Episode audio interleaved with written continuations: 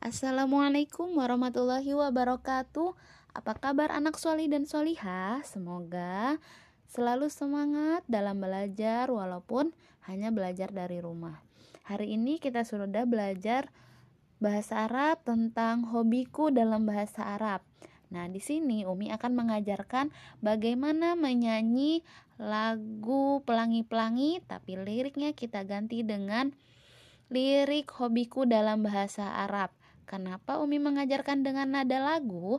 Supaya anak-anak Umi bisa mudah menghafal bahasa Arab karena menggunakan lagu. Nah, di sini kita menggunakan lagu pelangi-pelangi.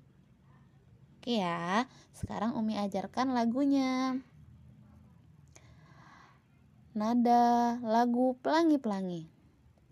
Kiro'ah, kiro'ah, artinya membaca Arosmu melukis, aroksu menari, khina'u menyanyi, si bahah berenang, taswiru taswiru itu fotografi. Bisa anak-anak Umi? Sekarang Umi ulangi lagi ya lagunya ya. Kita nyanyi bersama lagu pelangi-pelangi. Kiro'ah, kiro'ah, artinya membaca. Arosmu melukis, aroksu menari, khina'u menyanyi, si bahah berenang.